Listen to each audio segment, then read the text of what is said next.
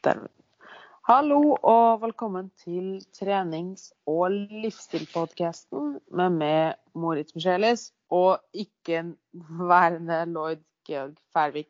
Han er ikke her akkurat nå, men jeg har en helt som vanlig, da, som dere kanskje ser på tittelen, så har jo da den vanlige gjesten som har Eller oi. Den vanlige gjesten som har kommet flere ganger, og det er jo da Tor André Sandum. Eh, hvor vi da skal inn i del fire av Fra bro til pro, da. Så det er jo da en styrketreningsguide som skal hjelpe deg å forstå styrketrening bedre. Og slik at du skjønner hva du driver med, og slik at du kanskje kan lære å sette opp dine egne treninger på en mer effektiv måte. Så med det sier jeg hei til deg, Tor André. Hallo, hallo. Hvordan har du det? Alt bra siden sist? Alt er bra, livet smiler. Um, det begynner å bli litt kaldt på morgenen, men bortsett fra det så, så er det fint.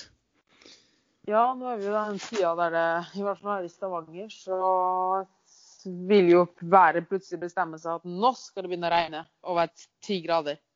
Mm -hmm. Det er jo gjerne litt Ja, det har- samme i Molde òg. Ja, nå sitter jeg faktisk i Drammen for tida. Oh, ja. Og vi er jo så heldige at vi er jo en av Norges tørreste kommuner med flest soldager. Så det har vært ganske mye fint og tørt vær. Men eh, det er bare litt sånn småkjølig på morgenen. eh, Men så blir jo sommertemperatur faktisk eh, på dagen selv i september. Såpass, ja. Mm. Hva, hva gjør du i Drammen, da? Nei, det er jo her jeg har bodd da i siden 2012. Å det var såpass ja da. av, avpeila øya, skulle jeg si. Er helt borte. Ja, Vi har ikke snakka så mye om det, da, så det er jo ikke så rart. Ja, godt poeng.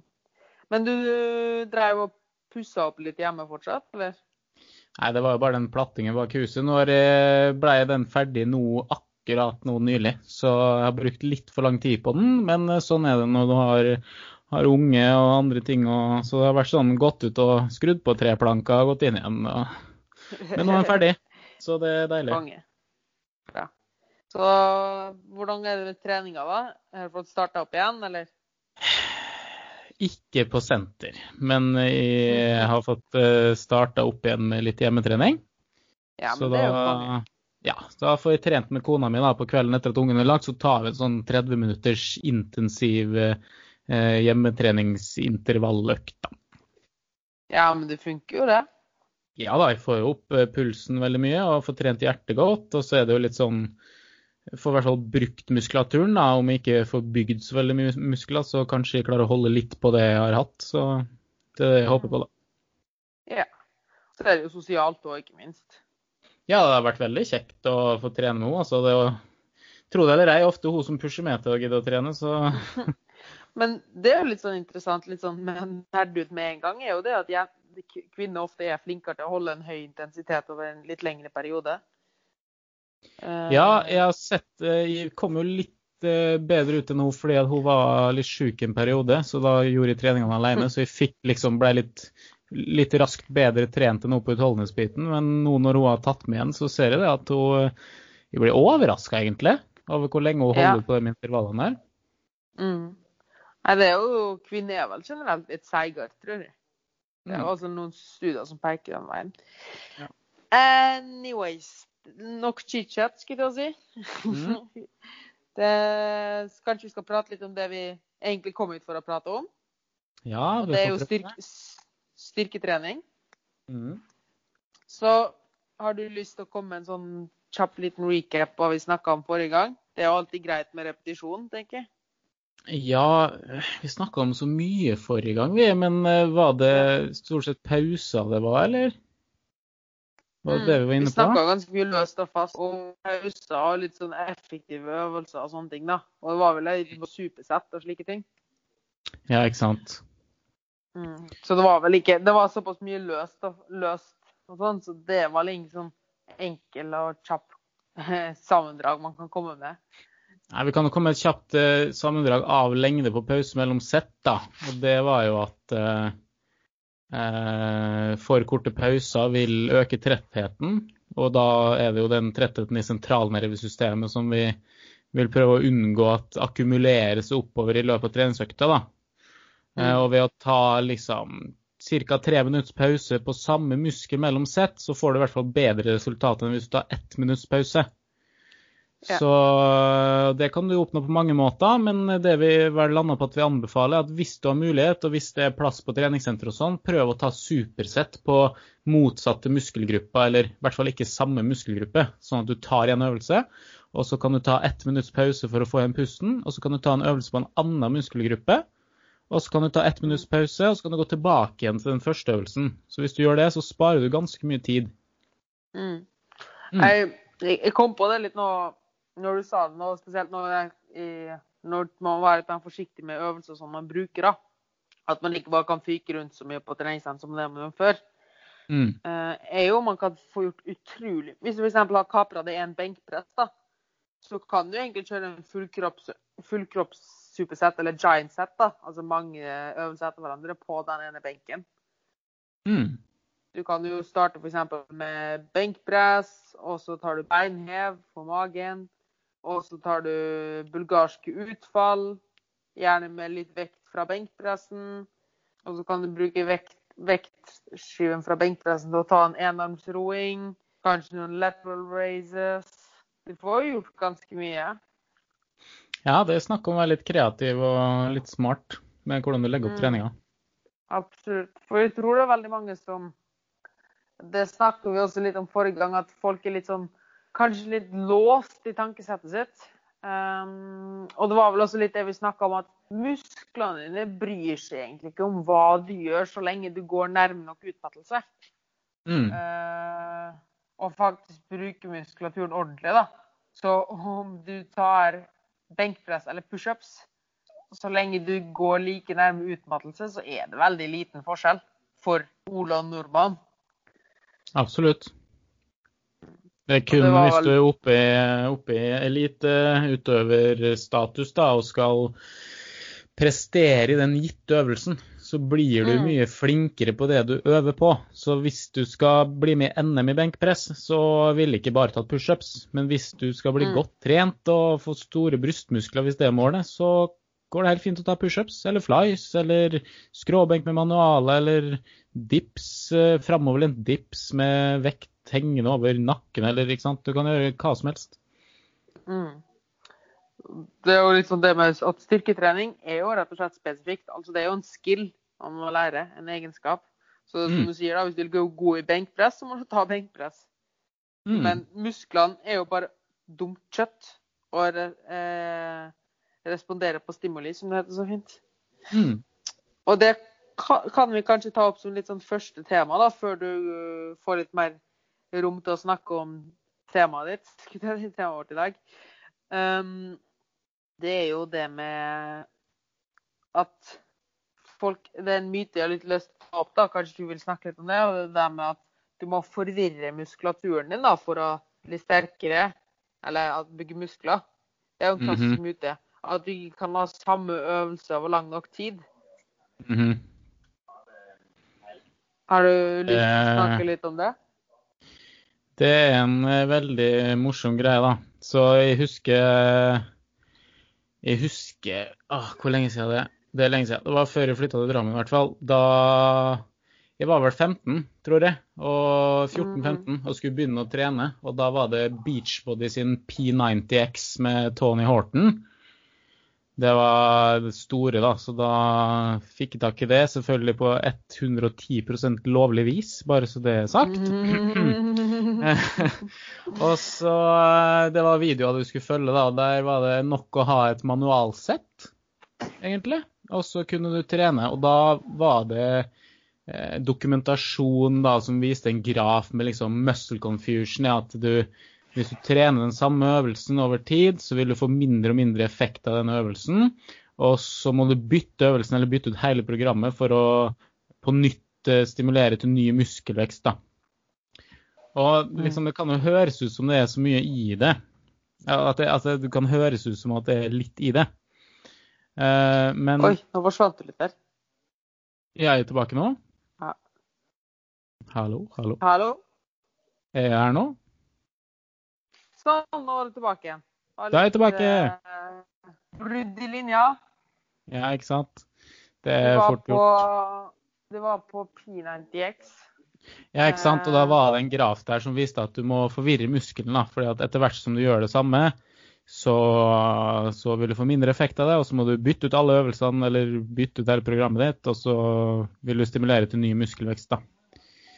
Uh, at du skal- liksom skal forvirre muskelen for å få den til å vokse. Og sånn som de hadde presentert det i sin eh, markedsføringsgimmick, da, så virka det veldig som at det var sånn det var. Mm. Eh, men som man forhåpentligvis har lært gjennom den guiden her, så er det kun det mekaniske draget som hver muskelfiber opplever, som du trenger å ta stilling til i praksis. Mm. og hvis du gjør det, så får du gode effekter av treningsprogrammet ditt. Og du trenger ikke å forvirre muskelen din. Og det gjør det også mer komplisert å sette opp gode treningsprogrammer. Og det blir vanskelig å følge progresjon, fordi at du egentlig ikke gjør de samme øvelsene over lang nok tid da, til at du kan Mm. se fremgang. Eh, og variasjon er viktig, men du trenger ikke å forvirre kroppen din eller forvirre musklene dine, for da risikerer du bare å bli forvirra sjøl. Ja, og når du blir forvirra sjøl, så er det jo litt det vi snakka om, at det er mekanisk drag det handler om. Og når du hver begrensninga di hver gang er at du bare ikke får til øvelsen riktig fordi du må lære den først, eh, så, så er ikke, kanskje ikke det så nyttig. da. Altså, Du får ikke yta maksimalt hvis du ikke kan det du skal gjøre ennå. Mm. Det er jo kjempeenkelt å tenke at hvis, du, hvis, man jobber, på- hvis man jobber på PC da, for eksempel, og har en programvare, la oss si Windows um, Du vil jo ikke jobbe maksimalt produktivt hvis du plutselig bytter til Apple. Nei, sant? Du, må først, du må jo først lære det nye systemet. Og hvis Mm. du har konstant bytte Microsoft, Apple, Huawei, uh, you name it, Linux, alt det der, så vil du jo aldri jobbe Du kjenner jo ikke systemet, så vil du aldri jobbe produktivt. Og det er litt det samme øvelser. da. Hvis du alltid på død og liv skal lære deg nye øvelser, så vil du aldri faktisk komme dit at du kan pushe det hardt nok eller føle deg trygg nok. En ting er jo at nervesystemet ikke vet hva det skal gjøre. Men en annen ting er jo at du rett og slett ikke føler deg trygg.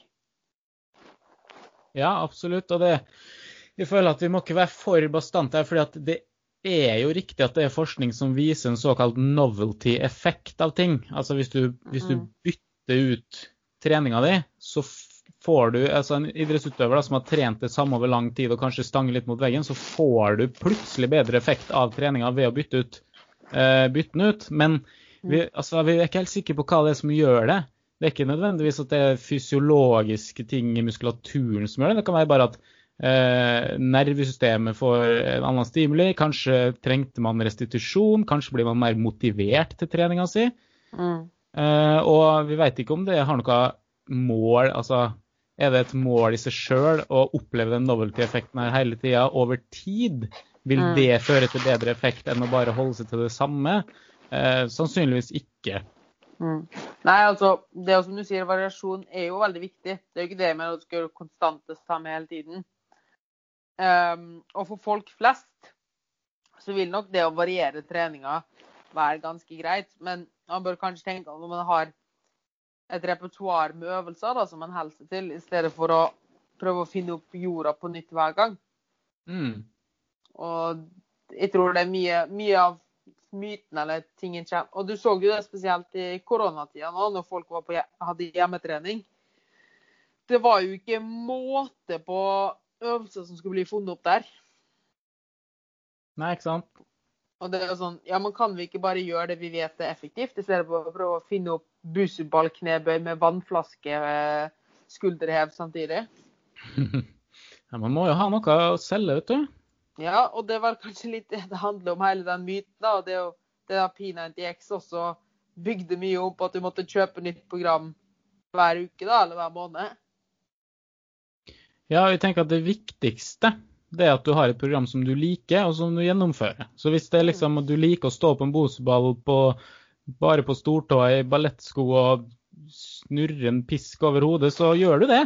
Altså det er all makt til det, liksom. Så lenge du liker det og det er aktivitet, så er det kjempebra. Og så kan du men sant, hvis du tenker tradisjonell styrketrening, så kan du ha et program som er relativt eh, solid og relativt likt, og så kan du krydre ved å bytte ut øvelser eller rekkefølger på øvelsene også over tid.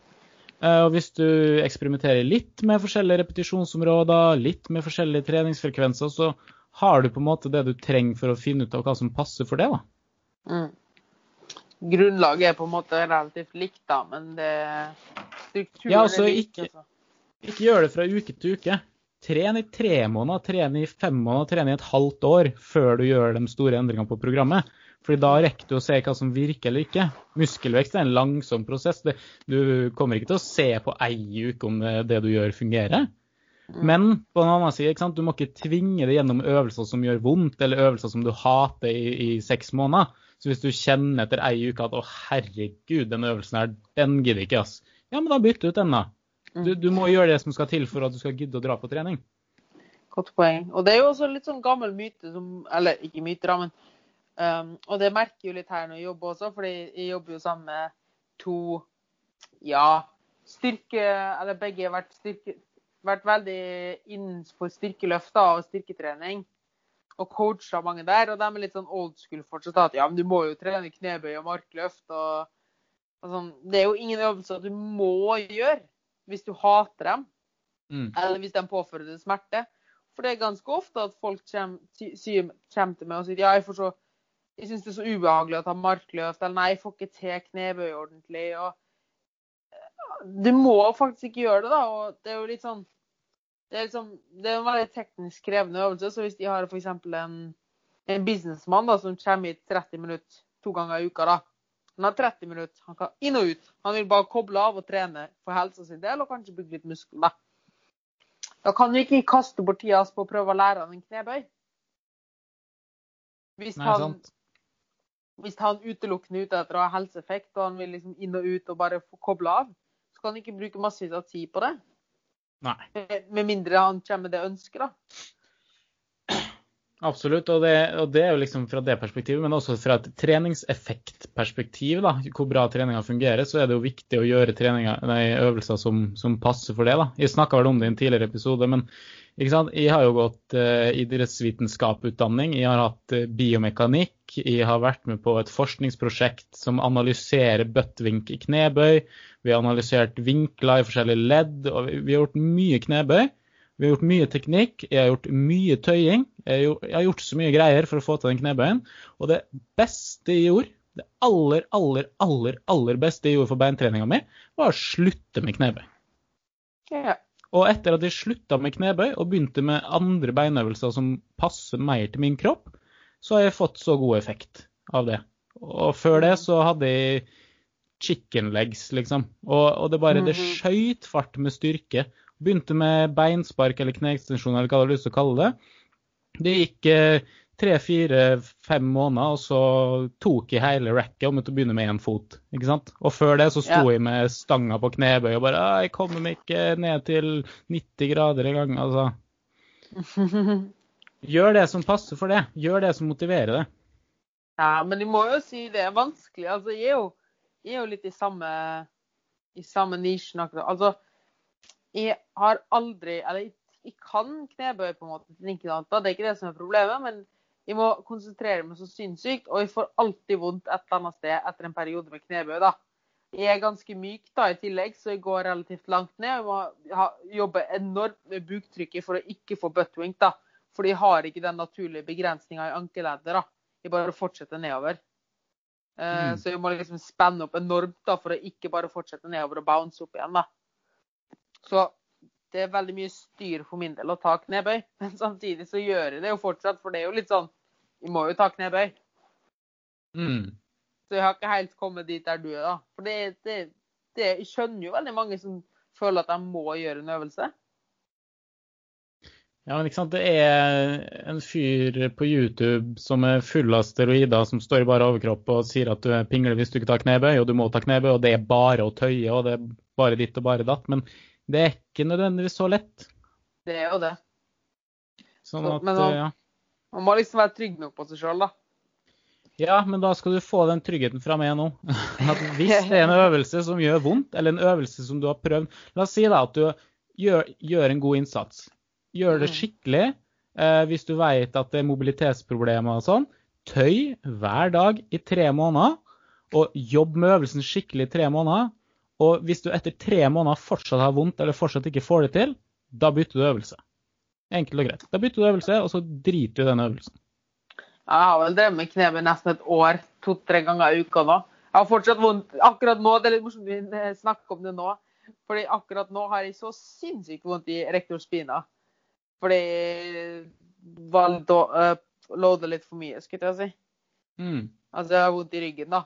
Altså, det er bare eller betennelse, litt sånn muskelrivning eller et eller annet nederst i rektorspinafestet. Og 100 det kommer fra knebøy, for det er det eneste jeg kjenner på der jeg kjenner på en måte iblant. da. Og, men det er jo som sagt på mitt eget ego da, som gjør at jeg fortsetter med det.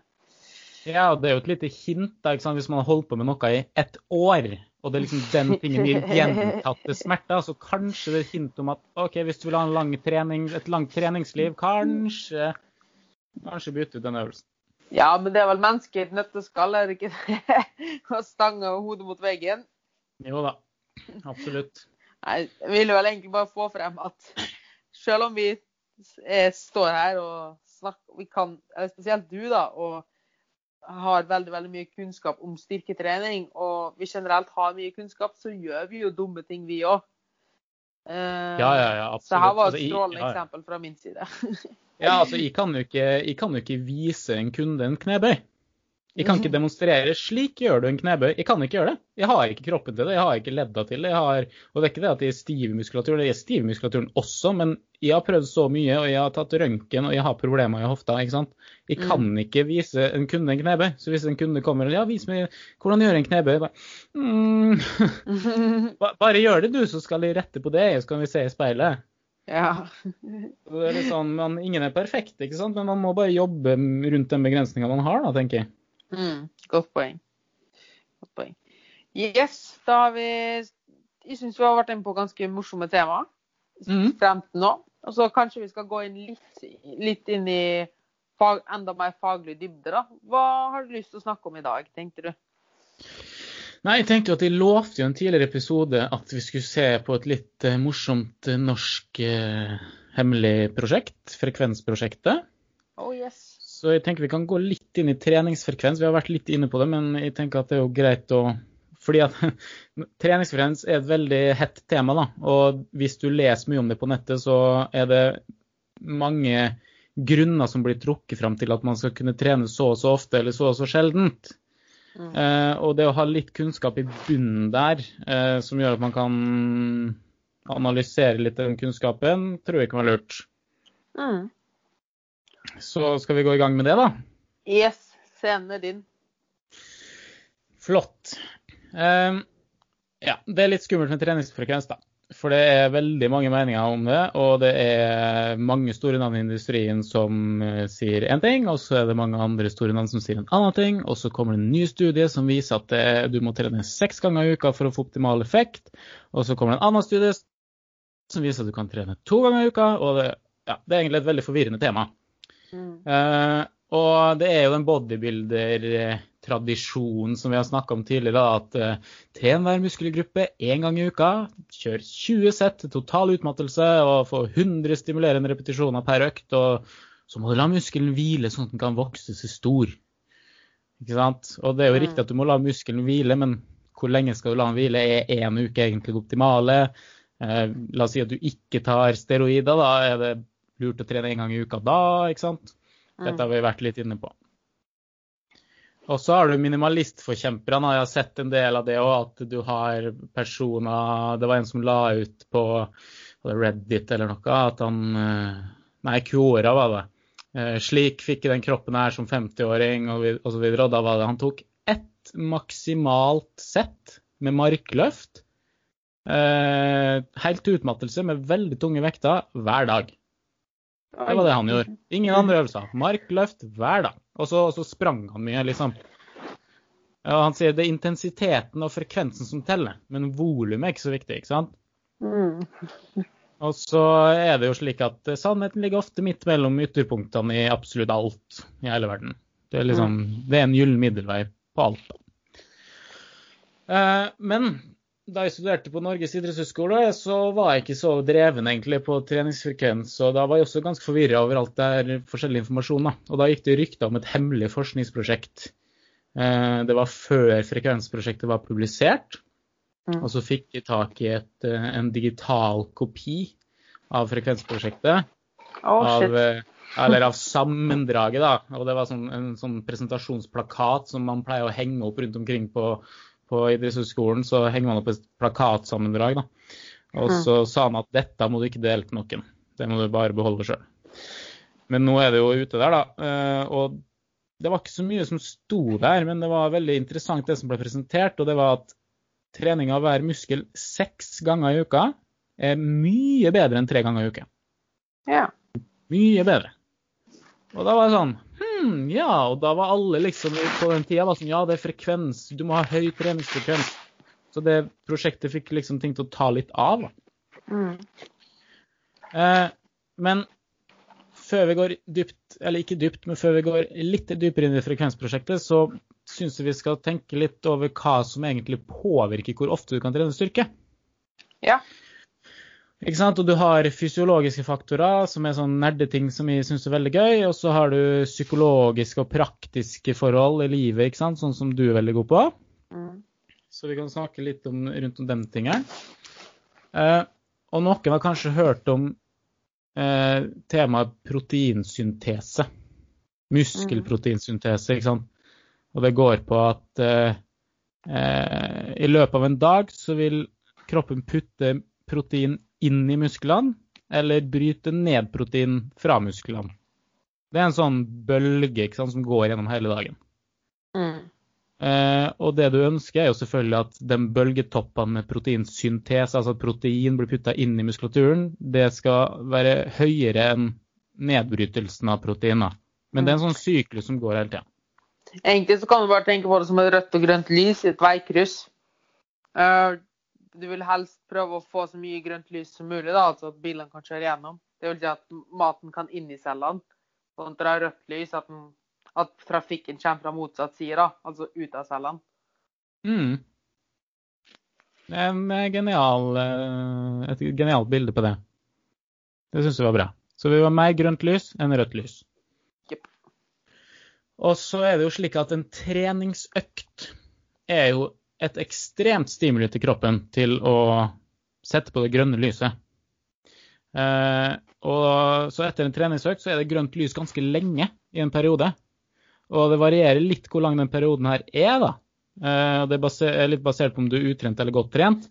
Eh, men stort sett ser man at en utrent person som ikke har trent så mye, der er det grønt lys lenger etter en treningsøkt. Altså muskelproteinsyntesen er økt mye lenger etter en treningsøkt hos en utrent person. Og etter hvert som man blir bedre trent, så er det grønt lys kortere. Og det kan, kan jo være at eh, kroppen er mer effektiv på å putte protein inn i muskulaturen, ikke sant. Men det er i hvert fall en kortere periode der det er økt proteinsyntese. Mm. Det er vel også mye av grunnen til at hvorfor man, når man da blir mer og mer viderekommende, må trene mer, da. Eller Mm. oftere. Større stimuli for samme effekt, liksom. Mm. Eh, og så er det jo slik at eh, hos utrente så tar det litt eh, Beklager. Eh, det tar litt lengre tid for muskelproteinsyntesen å nå toppen da, hos utrente. Mm.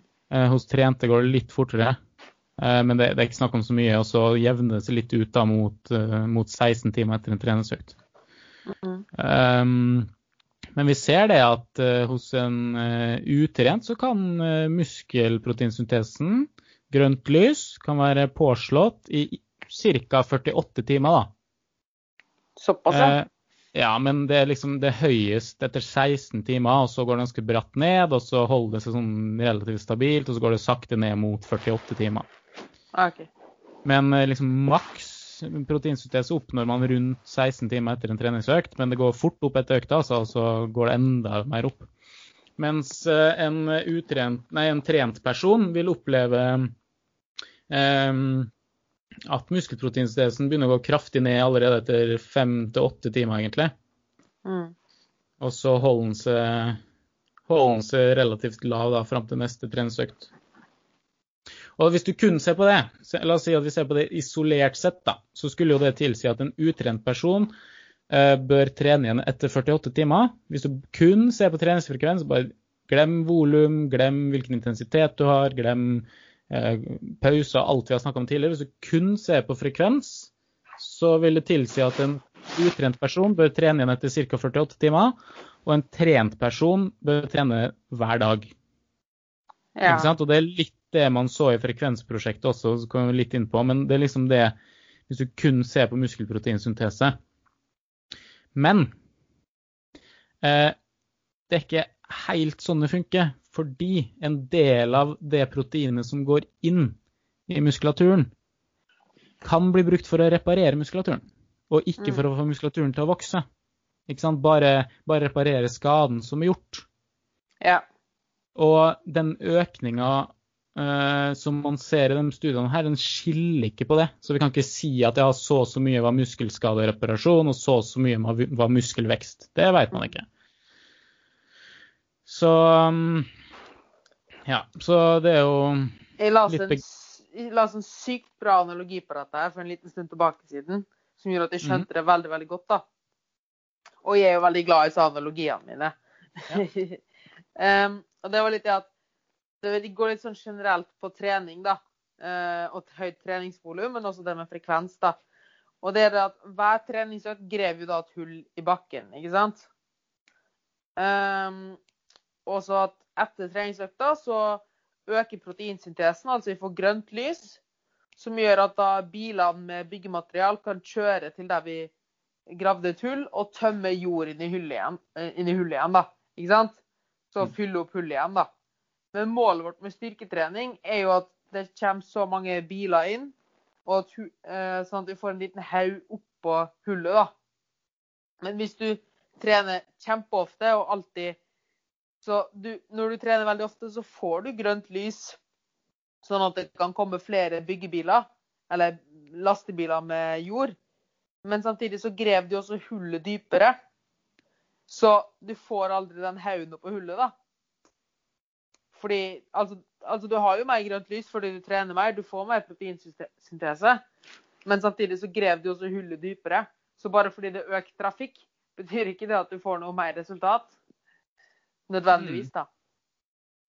Ja, og så er det at dem som ser på, eller dem som, Når vi ser på resultatene fra de studiene her, bare oh, yeah, høy muskelproteinsyntese, så er jo det at du vet jo ikke hvor dypt hullet var. Mm, du ser bare last, at det kjører en haug med lastebiler forbi. Mm. Og du tenker å, enda flere lastebiler, ja, men da må vi ha da må vi ha funka. Mm. Det er akkurat det. Og den andre faktoren her er jo ikke bare muskelproteinsyntese, men eh, da er vi tilbake på sentral tretthet, da, som vi har snakka litt om tidligere. Altså at nervesystemet er slitent. Mm. Eh, og sentral tretthet vil jo føre til at du ikke klarer å aktivere alle muskelfibrene dine, uansett hvor hardt du føler at du tar i. Og vi vet at det er kun muskelfibrene som blir aktivert, som vokser etter trening. Så dem du ikke klarer å aktivere, dem vokser ikke. Og i tillegg så er muskelfibrene som vokser mest etter trening, de er aktivert av de motorenhetene som først blir blokkert av sentral tretthet. Ikke sant? Så hvis du har sentral tretthet i kroppen, så vil du få utfordringer med å få effekt av styrketrening. Mm. Uh, og det er liksom slik at hvis du ser litt på forskninga, så ser det ut som den sentrale trettheten som oppstår, eh, kan være knytta til muskelskade. Altså hvor dypt det hullet er, da, på en måte. Mm. Eh, og det kan forklare at det er så stor uenighet i forskninga om hvor ofte du bør trene. fordi at hvis forsøkspersonene i én studie har gjennomført treninga på en måte som gir eh, mye muskelskade, da, eller økt sentral tretthet lenge etter økta, så vil effekten av neste økt bli redusert fordi hullet var så dypt. Og så har du eh, en annen studie som eh, også ser på treningsfrekvens, men der gravde den ikke et så dypt hull. Sant? Og da får du et helt annet eh, bilde på hvor ofte man bør trene. Mm. Og det som er litt vanskelig med forskning, er at ting gjennomføres ikke helt likt. Mm. Det jo, det, men det er jo kanskje også store eh, det kanskje, Eller nei, skal, det er kanskje litt av årsaken til at vi kommer til å komme til den konklusjonen som kommer til å komme på slutten, da, tror jeg. Mm. For å tise litt, da. Men det bare fortsetter. Ja, ikke sant. Og da er det jo eh, Hvis du ser på muskelskade eller hvor dypt hullet er, så vil det påvirke hvor eh, mye sentral tretthet du opplever. Mm. Eh, så hvis du overdriver treningsvolumet per økt, så kan det hende at du fortsatt er prega av muskelskade og sentraltretthet neste gang du skal trene. Eh, men det er ikke bare treningsvolum som påvirker det her. Det er jo alt vi har snakka om tidligere. Hvis du tar for korte pauser, hvis du trener med 25 repetisjoner eh, istedenfor 8 f.eks., så får du mer eh, sentral tretthet. Hvis du trener veldig nær utmattelse, eller altså til total utmattelse da, i alle sett, da får du mer muskelskade. Mm. Og forskning viser at slik type trening kan kreve en restitusjonstid på inntil 48 timer for bein, men inntil 72 timer for overkroppen. Mm. Og hvis du begynner med utmattende teknikker oppå det her, altså eksentrisk muskelarbeid, at du legger på mer vekt enn du egentlig klarer å løfte, og så holder du igjen vekta ned, ikke sant? Mm. og så hjelper noen med vekta opp, da kan det føre til sentral tretthet i åtte dager etter økta. Oi, såpass, ja. Det er ganske lenge. Mhm. Kanskje ikke rart at uh, guttene på gym ikke blir særlig mye sterkere når de løfter opp, når de egentlig biceps eller benkpressstanga opp for hverandre. Nei, det er akkurat det. Så det er litt det med å, å gjøre nok, men ikke for mye. Mm.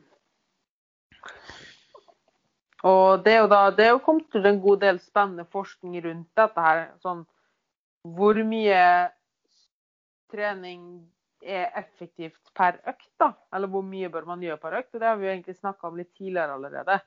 Mm. Um, og jeg tror med dagens episode så Eller det du kanskje kan komme litt inn på nå med den frekvensen og sånn, da.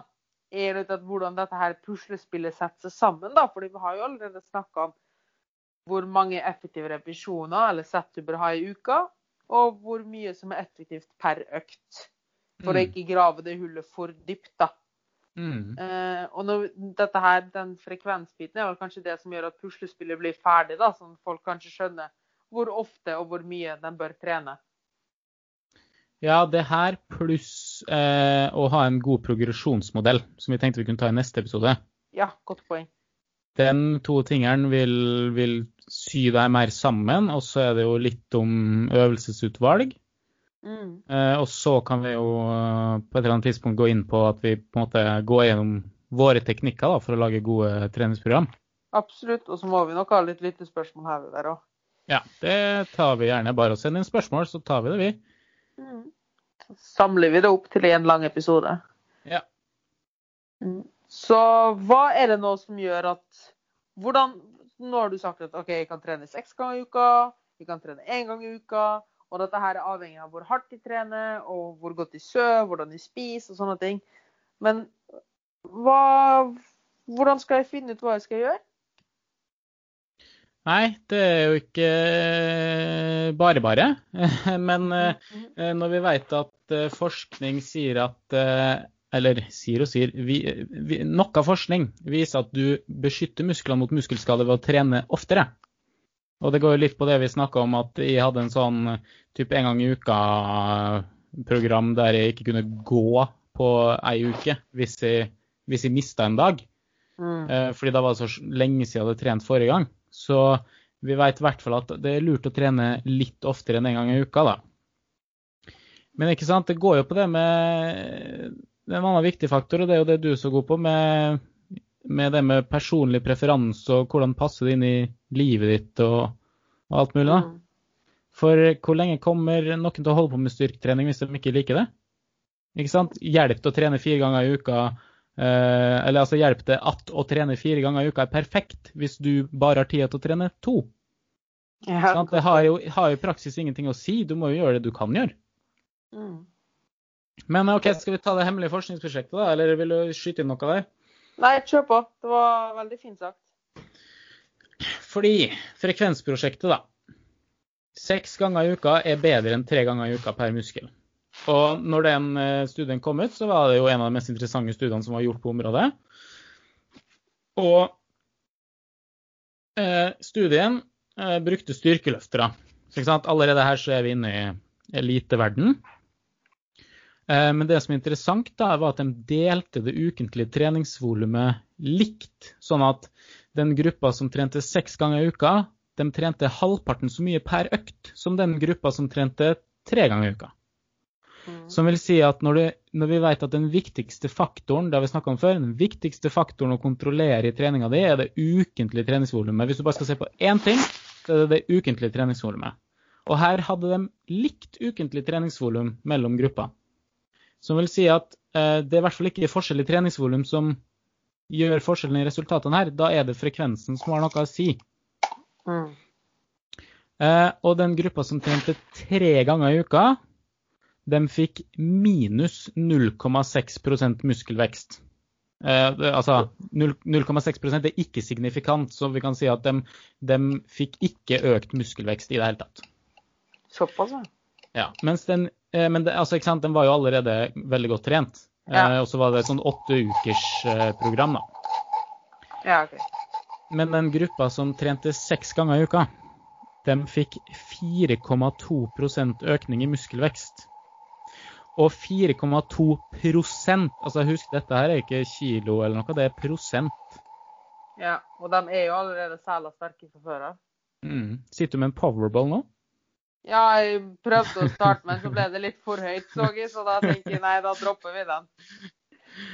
Ikke sant? De har allerede ganske mye muskelmasse, så 4,2 er mye. Og på åtte uker, da, bare ved å øke treningsfrekvensen Du, gjør, du har halvparten så lange økter, men du bare gjør det litt oftere, og så får du 4,2% økning. Ja. Det er Og det- Det er sjukt, og det kan være ganske overbevisende. Eh, men ikke sant, studien ble gjort på styrkeløftere på høyt nivå. Eh, og den ble eller Jeg vet ikke om den er formelt publisert nå. Du kan i hvert fall finne et abstrakt ut der og sånn, men Den er fortsatt ikke Det er ganske morsomt, dette fordi i mange amerikanske podkaster eller engelskspråklige podkaster sånn, så snakker de fortsatt veldig veldig mystisk om dette her. da.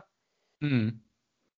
det, jeg vet at du, det er en link inn i styrketreningsguiden min under uh, hvor ofte du skal trene styrke.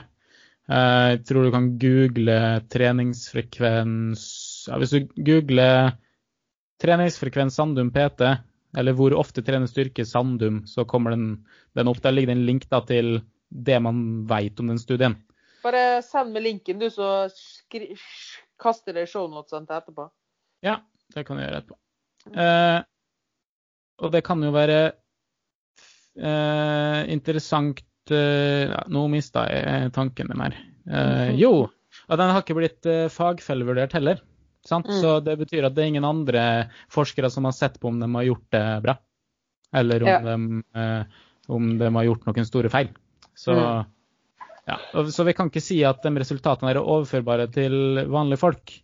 Mm. Um, Men Ja. hvis de får komme med min liten Det jeg tror, da, eller det, jeg- slik jeg har forstått det, eller det jeg tenker meg til dette her, da, er jo at de trener jo mindre per økt, de som trente oftere. Som da øker sannsynligheten for at de hver repetisjon de tok, gjorde de med mer innsats. For de visste at de, de må ikke holde igjen på sett nummer én. For de skal bare ha skal, la oss si fem sett til i stedet for ti sett til. da. Eh, så at den liksom Intensjon Og det det er jo også litt spennende at desto mer intensjon du har om å løfte fort og hardt, og desto mer effekt har du av det. Så jeg tror at det er en faktor. At de ikke holde igjen på de første setta i underbevisstheten, fordi de visste at de ikke måtte gjøre så mye i den økta. Og det andre tror jeg er jo rett og slett Altså, de gjør det jo oftere. Ikke sant? Desto oftere du øver Det er jo litt det vi snakker om, at styrketrening er en skill. Så desto oftere du gjør noe, desto flinkere blir du til det. Og når de da gjør det seks ganger i stedet for tre, så er det naturlig at man blir enda flinkere på det.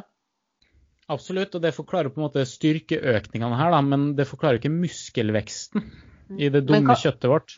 Nei, men kan det henge sammen med at de har mer intensjon om å løfte? Ikke sant? At Det kan det. de Absolutt. Ja. Så Altså, det er den første delen av det. Jo, men det er, go- det er godt poeng. Eh, det er veldig godt poeng. Eh, hvis de faktisk eh, Og så kan det jo hende at eh, eh, At eh, Nei, det kan det ikke. Nei, nå var jeg på en helt feil tanke. Mm. Eh, men eh,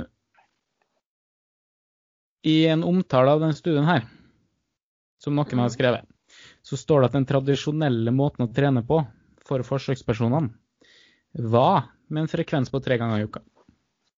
Som vil si at du trente tre ganger i uka før, og så trener du fortsatt tre ganger i uka nå. Det er den ene gruppa. Og så den andre Mm. gruppa er du trente tre ganger i uka før. Nå trener du seks dager i uka. Oi, Mm. ny type stimulus. Da kommer den der novelty-effekten som vi snakka om inn. Det kan forklare resultatene, men, men hvor mye det har å si på lang sikt, det vet man ikke. Mm. Godt poeng.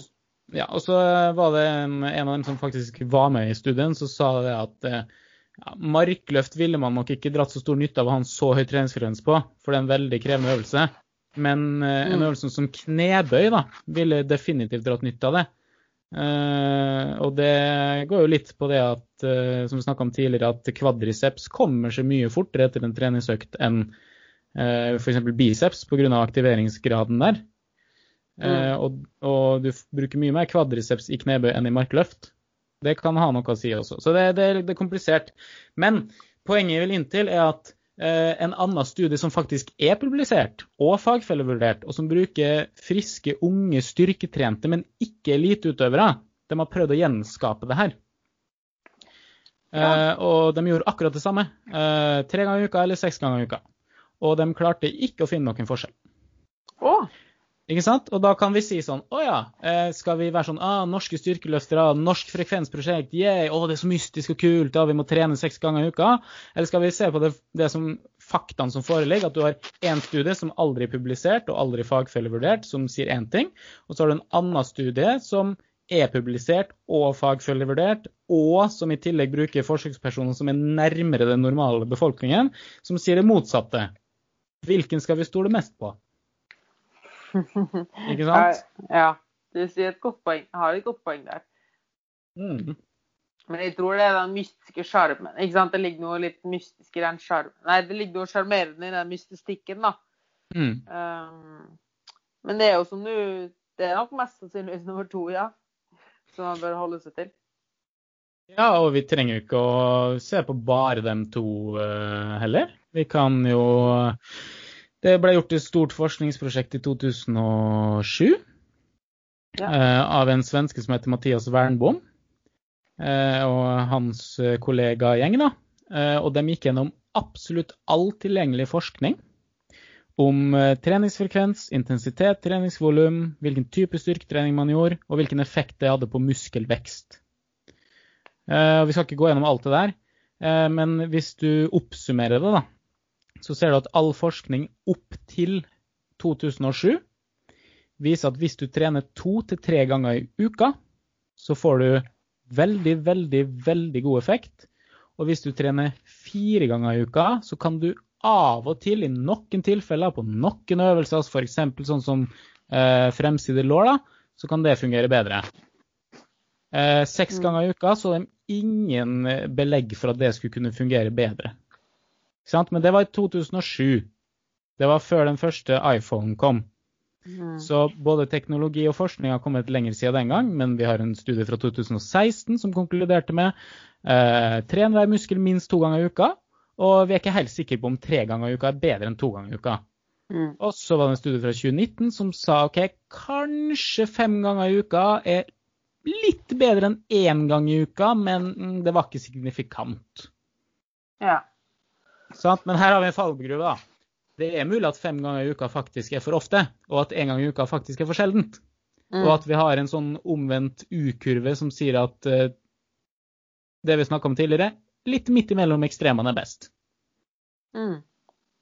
Og så har vi en studie fra 2018. Ingen forskjell mellom trening to eller tre eller fem ganger per uke.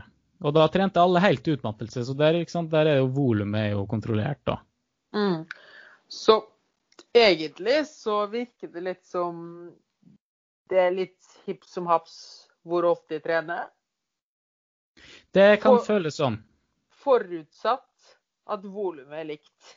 Akkurat. Og der har du det. Og det er problemet, da. Mm.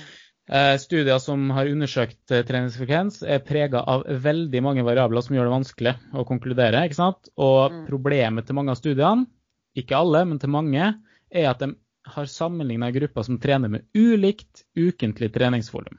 Mm. Og ikke bare det, men også det at ofte så, til og med når volumet er likt, da, så vil jo La oss si at du har noen som Altså du har en studie der du trener to ganger versus fire ganger i uka, da. Så vil jo dem som trener fire ganger, sannsynligvis ha mer volum i form av oppvarming og sånn i tillegg.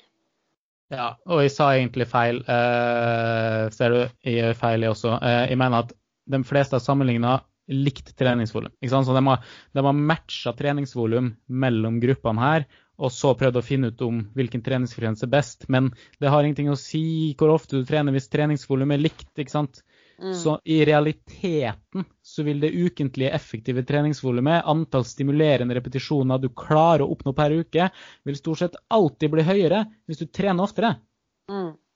Hvis det, hvis det finnes et tak da, som vi har snakka om på 25 stimulerende repetisjoner per økt, og det stimulerende volumet per uke bør ligge på rundt 75 Hvis du da trener 75 repetisjoner én gang i uka, så får du fortsatt bare 25 stimulerende. Ikke sant? Men hvis du, hvis du trener 25 stimulerende repetisjoner to ganger i uka, så er du oppe i 50. Og hvis du gjør det tre ganger i uka, så er du oppe i 75. Mm. Men ikke sant, på et eller annet tak da, nei, et eller annet tidspunkt så når du et tak der òg. Og da vil ikke det å trene oftere ha noe effekt, fordi at da har du nådd de 75 stimulerende den uka. Mm. Så det er jo litt den matematikken som ble litt komplisert når du hørte det, men det, det, det, det, det er akkurat der det, du snakka om at vi må få det til å smelte sammen til noe man faktisk kan bruke. Mm. Fordi det du, prøver, det du prøver å si, er jo det at eh, sam, på samme måte som vi snakka tidligere om at det finnes et tak hvor mye effektivt arbeid du kan gjøre på én dag, det finnes også et tak på hvor mye effektivt arbeid du kan gjøre på en uke. Mm. Og så må man da finne ut da hva som er personlig preferanse for at man treffer riktig antall. Både per økt, men også per uke, da. Det, Mm. du, det er liksom Du kan liksom ikke gjøre heil Hvis du jobber fem dager i uka, så kan du ikke gjøre all jobben på mandag. Og hvis du prøver å gjøre det, så tror jeg ikke at resultatet blir særlig bra. Nei, ikke sant. Og det Vi kan si det på den måten at vi kan oppsummere det ganske på én setning. Økt treningsfrekvens er alltid bedre så lenge det fører til økt ukentlig treningsvolum Mm. opp til et maksimalt punkt. Mm. Vil Så, du ja. kaste rundt det med noen tall? Helt til slutt, litt sånn med Ja, Sånn- i, I teorien, da, så basert på alle variablene som spiller inn, så kan du fint trene hver muskel fem ganger i uka hvis du klarer å restituere det mellom hver økt. Mm. Men du vil i praksis også kunne trene to ganger i uka hvis det effektive treningsvolumet per uke blir høyt nok. Og det kan jo fint bli med to ganger i uka også. Så hvor ofte du trener hver muskel, det har mye å si med hvordan programmet ditt legges opp. Så Mm. hvis vi snakker om at du har lyst til å trene overkropp, underkropp, så får du, og du gjør det fire ganger i uka, da, du tar overkropp, underkropp, pause, overkropp, underkropp. Eh, Da trener du hver muskel to ganger i uka. Ja vel, da bør du opp, i, mot, opp mot 20 stimulerende repetisjoner da, per av de øktene. Men hvis du sier nei, jeg, jeg har lyst til å trene full kropp fire ganger i uka, full kropp, pause, full kropp, pause, full kropp, pause, ja, da bør du holde igjen og kanskje være nede i tolv. Sant? Fordi det, du, det akkumuleres utover uka. Og det man kan gjøre da, er jo rett og slett å skrive opp de største musklene på et ark. Eh, og så bare se over treningsprogrammet sitt, og så telle over, da. Slett, La oss si du trener At du skriver ned alle øvelsene og hvor mange sett du tar, da. Mm. eh, på et ark, og så har du et annet ark med, hvor du skriver opp hvor mange eh, Eller hvilke muskler. da, Så kan du bare telle opp OK, hvor mange øvelser har du som går på lår? Og hvor ofte gjør jeg det? OK, fire sett her, seks sett der, to sett der.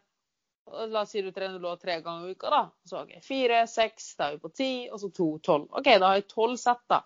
Forutsatt at det går én repetisjon unna utmattelse. Så får jeg da fire ganger tolv, som er 48. OK, da har jeg 48 stimulerende repetisjoner på låra mine i løpet av uka. Hvis du tror det er for lite, og du, så har du to, eller for lite da, eksempel, så har du jo da to muligheter. Du kan legge, trene lår på en dag til, eller så kan du legge til sett på de dagene du har. Og sånn Mm. kan du gå frem på alle musklene, egentlig.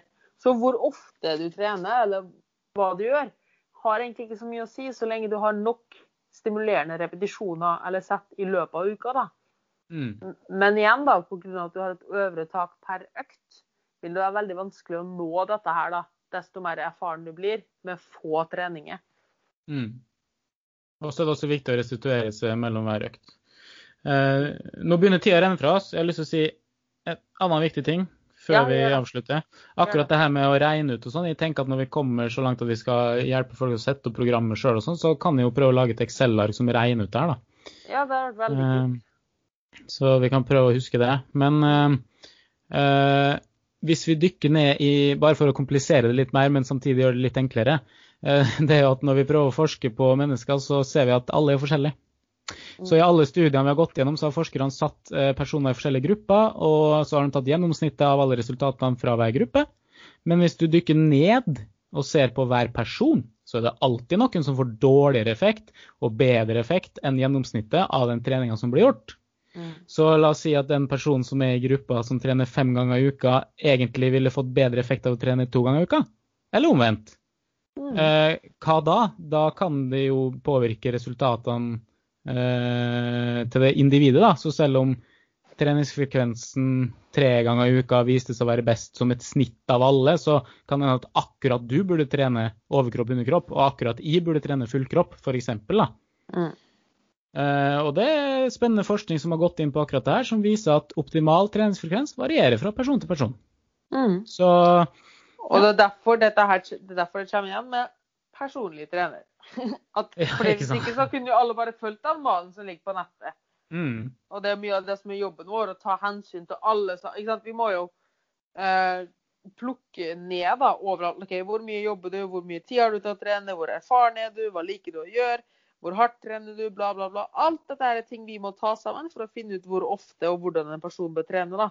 Og Det er derfor Mm. du, det er ikke sjelden hjelp å bare kjøpe et eller annet program på nett fra en eller annen som ser buff ut. mm. Og kanskje er du heldig og en av dem som får god effekt av eh, både lav og høy treningsfrekvens. Ja. Så ja, det er mye, mange faktorer. Mm. Jeg tenkte også helt til slutt å linke eller si at jeg kommer til å linke til en YouTube-serie til Jeff Nippard eh, i shownotene. Han snakka veldig veldig mye om det med fullkroppstrening nesten hver dag. da. Mm. Ja, Ja. den eh, har jeg sett. Den er interessant, den, altså. Mm. Og mange talleksempler og sånn der. Og så ser, er jeg veldig fin å se på, han karen. altså. Han skal ha det. Han har muskler, han. da. ja. Han er så lav, vet du, så han ser jo så bra ut. ja, det er jo helt sjukt. Mm. Er det noe avsluttende ord du vil ha, eller skal jeg Jeg tenker at det her, her gikk tida fort. Jeg har litt mer jeg vil si bare for å sy det sammen, men da tenker jeg at vi tar det i starten av neste episode. Det tror jeg òg. Det blir Mm. veldig bra. Og så er det jo alltid bra med en cliffhanger. Ja, det er det. Så det blir Jeg må følge med neste gang. Det blir, å, det blir bra. Jeg har så mye smart å si.